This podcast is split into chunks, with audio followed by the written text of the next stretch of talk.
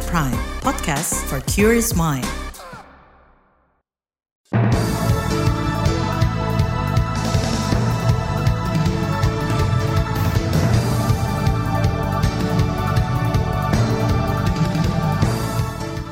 Selamat pagi saudara, senang sekali kami bisa menjumpai Anda melalui program Buletin Pagi edisi Selasa 29 Agustus 2023.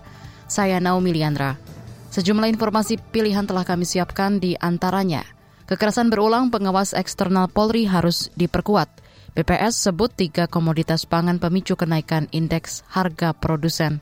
Panglima TNI akan hukum berat anggota Pas Pampres yang lakukan penganiayaan. Inilah Buletin Pagi selengkapnya terbaru di Buletin Pagi.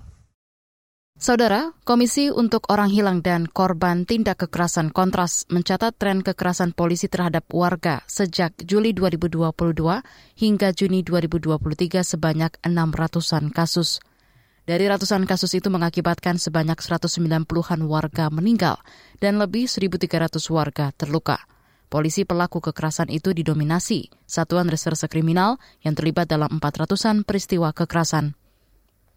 Peneliti Kontras Rosie Brilian mengatakan maraknya kasus kekerasan itu harus dibarengi penguatan pengawasan lantaran saat ini masih ada krisis pengawasan, keteladanan hingga penegakan hukum terhadap kepolisian.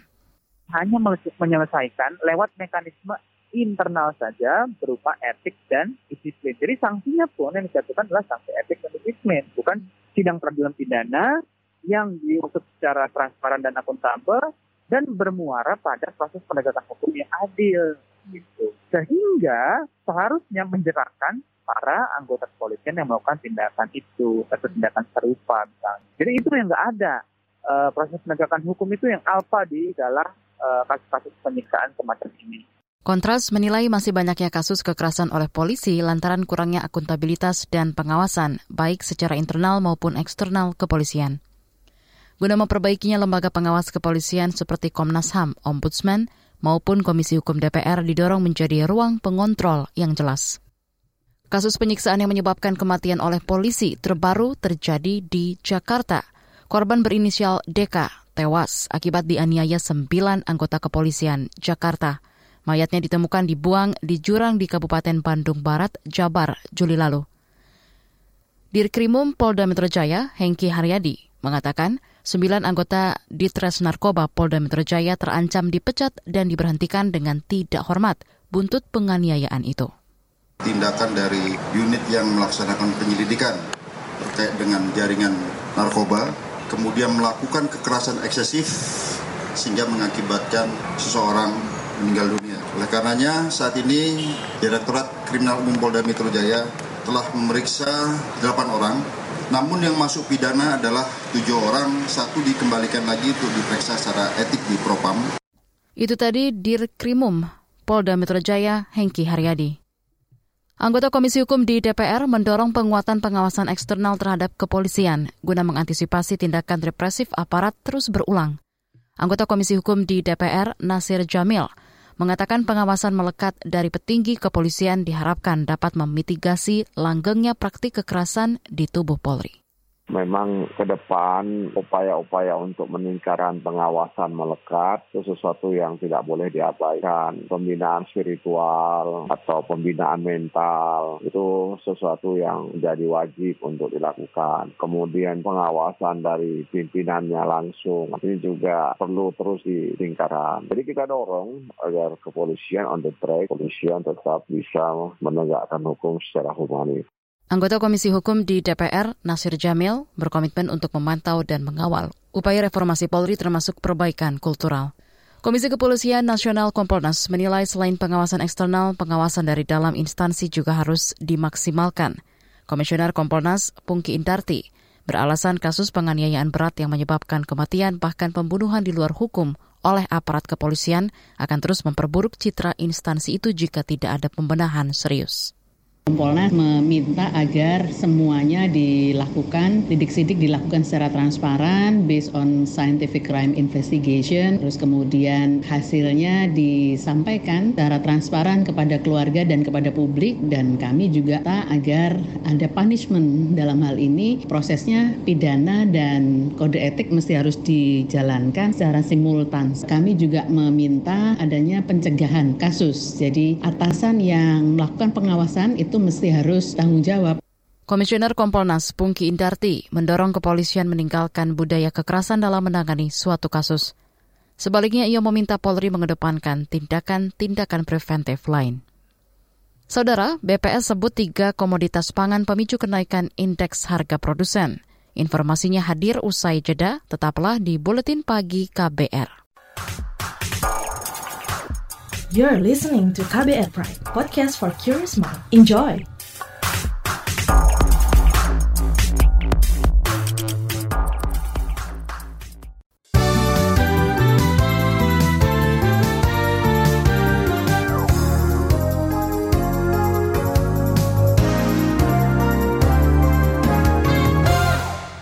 Anda sedang mendengarkan buletin pagi KBR. Presiden Joko Widodo mengimbau masyarakat di wilayah Jabodebek beralih memanfaatkan transportasi massal lintas raya terpadu LRT.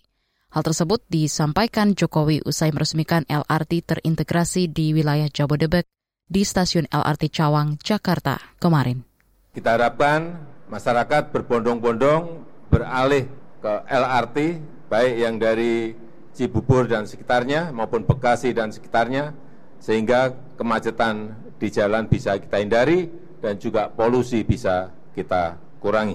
Presiden mengungkapkan Jakarta masuk 10 besar kota termacet di dunia karena disumbang oleh masuknya kendaraan dari luar Jakarta sebanyak satu jutaan setiap harinya. Beralih ke informasi ekonomi, Badan Pusat Statistik BPS menyebut cabai rawit, cabai merah, dan beras menjadi komoditas pangan penyumbang kenaikan indeks harga produsen IPH di sejumlah kabupaten kota.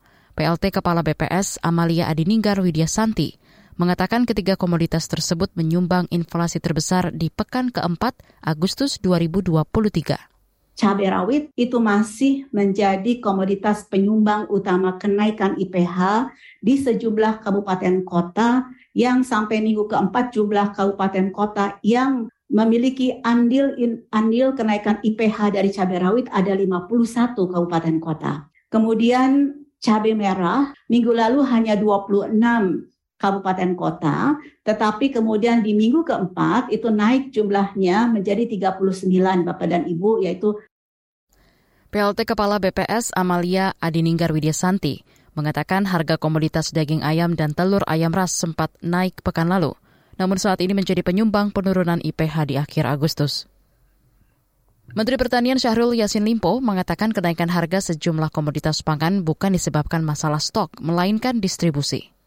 12 komoditi itu dalam neraca yang ada ini uh, cukup aman begitu. Uh, bahkan ini sampai Desember kita sudah perlu bahwa realisasinya masih 6 sampai 70 persen tidak mempengaruhi ketersediaan Bapak Mendagri seperti tahun-tahun sebelumnya. Persoalannya kenapa dia naik ini uh, tentu saja bukan masalah ketersediaan. Masalah yang terkait adalah distribusi dan sistem logistik kita itu tadi Menteri Pertanian Syahrul Yassin Limpo saat rapat koordinasi inflasi daerah yang digelar daring kemarin.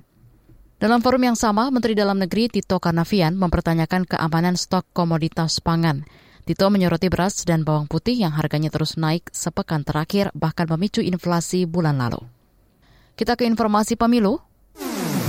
Kabar pemilu. Kabar pemilu. Kalangan pengamat hukum menilai memorandum Jaksa Agung ST Burhanuddin terkait penundaan proses hukum kasus korupsi terhadap kandidat di pemilu 2024 merupakan tindakan yang keliru. Menurut peneliti Pusat Kajian Anti Korupsi Universitas Gajah Mada, Pukat UGM, Zainur Rohman, penegakan hukum seharusnya dipisahkan dengan urusan politik. Nah, dengan dilakukan penundaan seperti ini kan bisa dikatakan ada istilah justice delay, justice denied. Kalau hukumnya itu ditunda, hukumnya itu kemudian tertolak begitu ya. Keadilannya itu ditunda, maka keadilannya tertolak ya. Artinya ya upaya untuk mewujudkan keadilan tidak segera bisa hadir gitu ya. Itu tadi peneliti Pusat Kajian Anti Korupsi Universitas Gajah Mada, Pukat UGM, Zainur Rohman. Sebelumnya Jaksa Agung Sanitiar Burhanuddin memerintahkan jajarannya mengantisipasi adanya indikasi pelaporan bersifat kampanye hitam dalam penanganan laporan pengaduan dugaan tindak pidana korupsi yang melibatkan calon presiden dan wakil presiden, calon anggota legislatif, serta calon kepala daerah. Jaksa Agung memerintahkan jajarannya menunda pemeriksaan hingga tahapan pemilu usai. Partai Hanura menyampaikan dukungan bagi calon presiden dari PDIP Ganjar Pranowo. Ketua Umum PDIP Megawati Soekarno Putri didampingi Ganjar kemarin menyambut kunjungan Hanura yang dipimpin Ketua Umum Usman Sabtaodang. Hanura bergabung dengan PDIP bersama PPP dan Perindo. Ketua DPP PDIP Said Abdullah mengatakan dukungan Hanura kian mantap diduga setelah bertemu dan berkonsultasi dengan Presiden Joko Widodo di Medan, Sumatera Utara. Di sisi lain, Ketua Umum Partai Golkar, Airlangga Hartarto menyambut baik rencana Partai Gelora mendeklarasikan dukungan kepada Prabowo Subianto sebagai calon presiden pada Pilpres 2024. Rencananya dukungan Partai Gelora akan dilakukan pada akhir pekan ini. Baca pres Prabowo didukung Golkar, Partai Kebangkitan Bangsa PKB, Gerindra, dan Partai Amanat Nasional PAN. Sementara itu Capres Anies Baswedan melakukan serangkaian kunjungan ke pimpinan partai politik pendukungnya. Koalisi ini akan segera mengumumkan nama bakal cawapres yang telah disepakati partai pendukung, yakni Nasdem, Demokrat, dan PKS. Kita ke informasi lain. Otoritas Jasa Keuangan OJK menyebut penawaran investasi maupun pinjaman online pinjol ilegal terus bermunculan, meski terus ditutup. Kemudahan membuat aplikasi menjadi salah satu penyebabnya.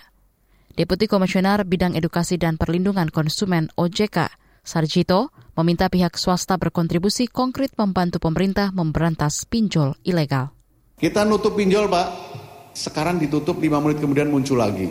Makanya kita kerjasama sama Google, Meta yang teman-teman suka Instagram, kita pengen mereka juga menyaring supaya tadi saya sampaikan kejahatannya di bumi dan di langit.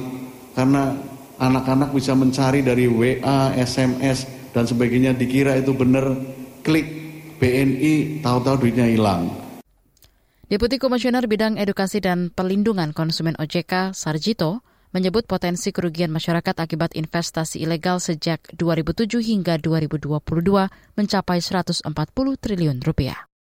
Beralih ke berita mancanegara, Pemerintahan Taliban dituding melarang perempuan yang mendapat beasiswa untuk sekolah di luar negeri.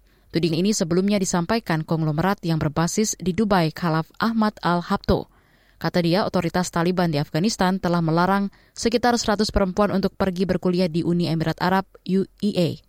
Dikutip dari BBC, beasiswa untuk perempuan Afghanistan diumumkan pada Desember 2022 setelah Taliban melarang perempuan masuk universitas.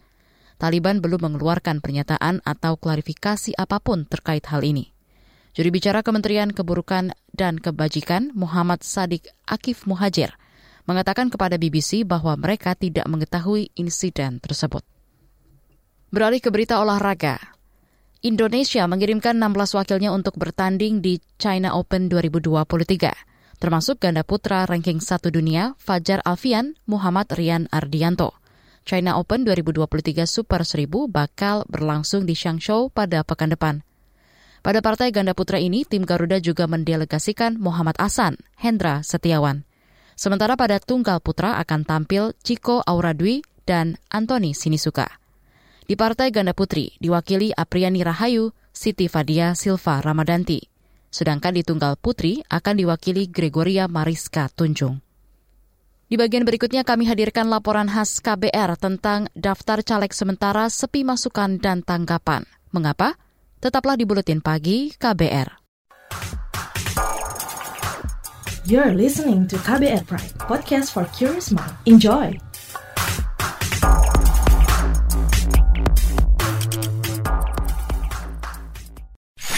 Commercial break. Commercial break.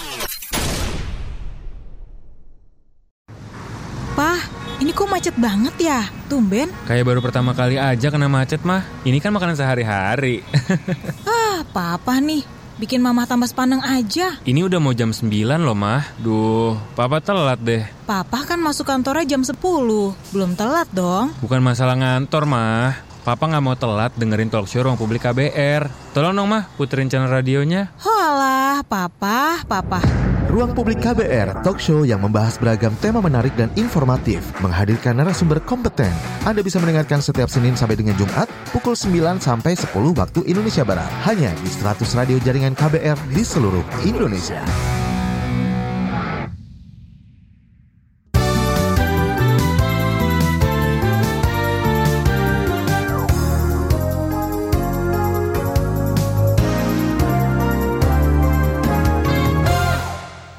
Anda masih bersama kami di Buletin Pagi KBR.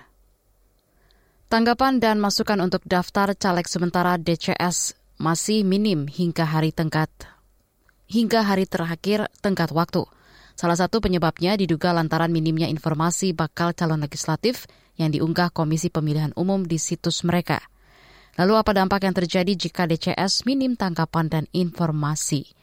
Selengkapnya kita simak laporan khas KBR disusun jurnalis Heru Haitami. Penetapan daftar caleg sementara DCS untuk pemilihan umum 2024 sepi dari tanggapan masyarakat. Di Banyuwangi, Jawa Timur misalnya, hingga hari terakhir kemarin tak ada tanggapan yang masuk dari masyarakat.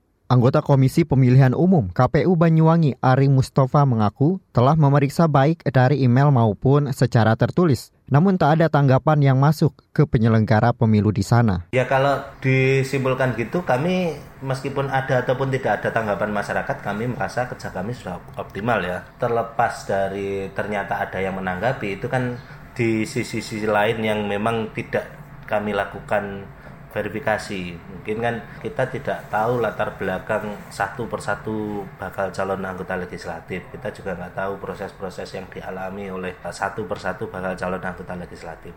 Menanggapi itu, KPU RI menyatakan masih akan merekapitulasi untuk memastikan tanggapan yang telah masuk dalam DCS.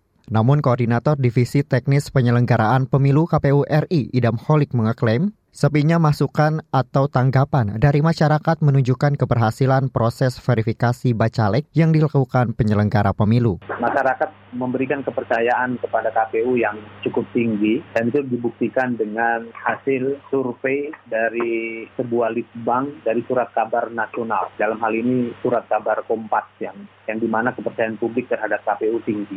Ya. Yang kedua, bisa jadi caleg-caleg yang didaftarkan dalam DCS ini itu memang secara eh, menurut pengetahuan publik secara administratif itu sudah baik. Lantaran minimnya informasi dari KPU, sebagian kelompok masyarakat sipil berusaha mencari data bacalek yang ada di DCS. Seperti yang dilakukan LSM Anti Korupsi Indonesia Corruption Watch, ICW.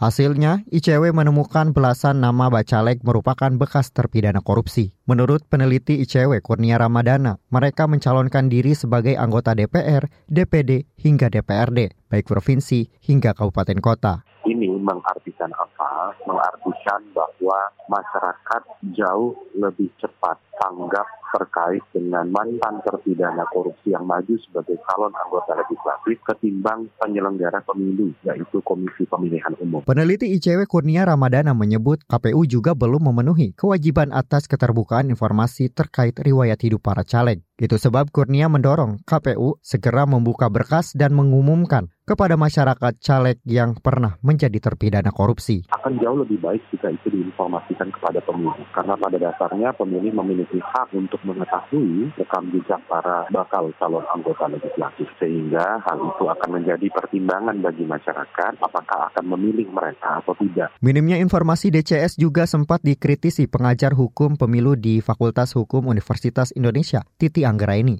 Menurutnya digitalisasi atau elektronisasi seharusnya meningkatkan kualitas keterbukaan, transparansi dan tanggung jawab pencalegan, bukan sebaliknya. Apalagi kata dia, pada pemilu 2014-2019, penyelenggaraan pesta demokrasi saat itu memberikan akses kepada pemilih untuk dapat mengetahui riwayat hidup calon. Bahkan hal tersebut sudah mulai dilakukan sejak pengumuman DCS.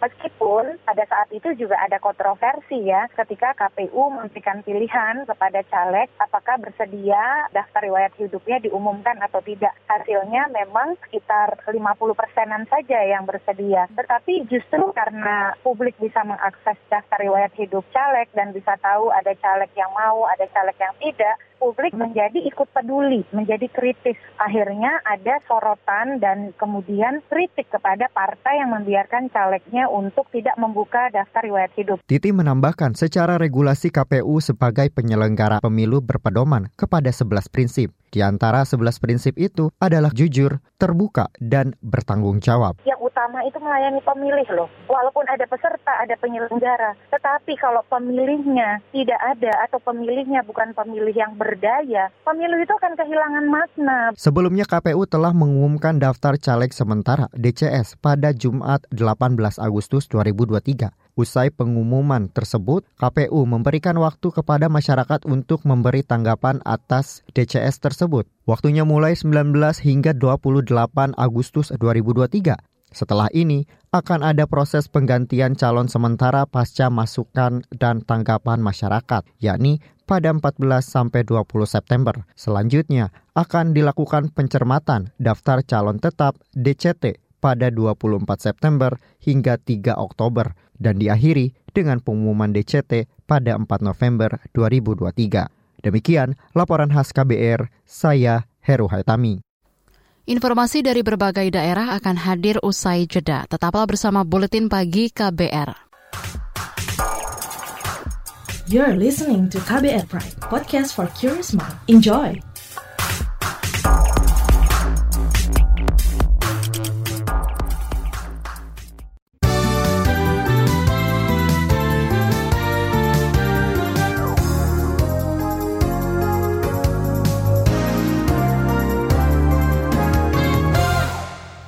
Inilah bagian akhir buletin pagi KBR. Saudara Panglima Tentara Nasional Indonesia TNI, Yudo Margono bakal mengawal proses hukum kasus dugaan penganiayaan warga hingga tewas oleh tiga anggota TNI. Satu di antaranya adalah anggota pasukan pengamanan Presiden Pas Pampres. Panglima ingin memastikan terduga pelaku dihukum berat.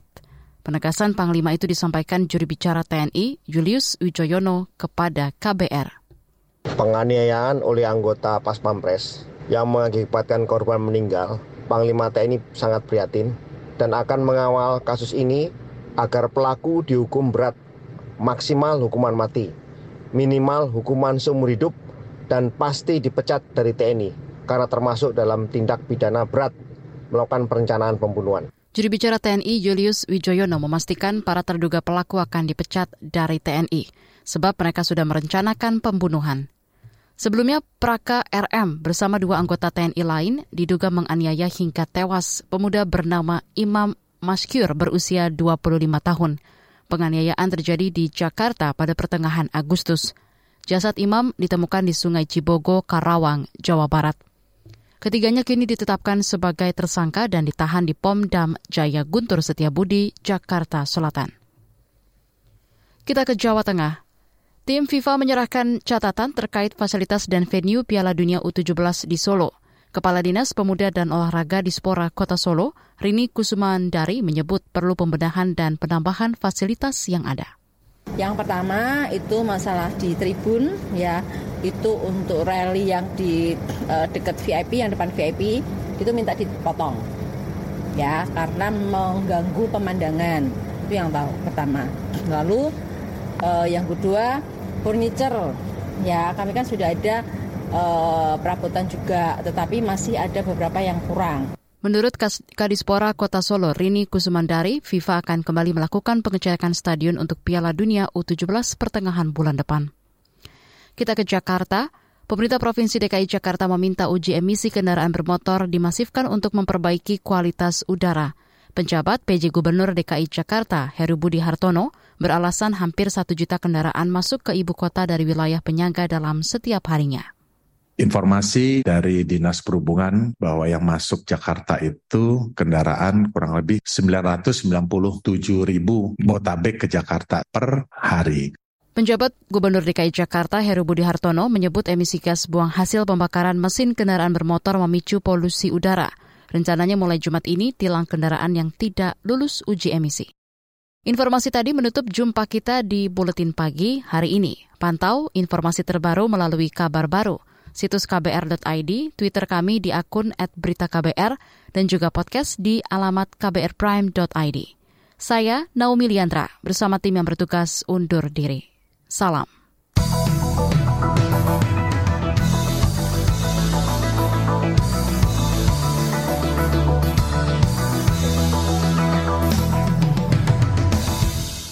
KBR Prime, cara asik mendengar berita. KBR Prime, podcast for curious mind.